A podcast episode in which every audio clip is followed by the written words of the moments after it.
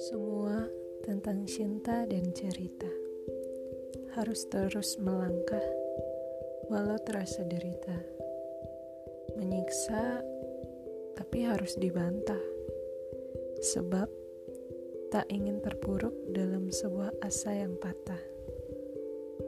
Hancur karena harapan dia yang asah, sampai ku tahu dia hanya datang dan pergi bagaikan asap, memberi banyak pelajaran baru untuk diresap.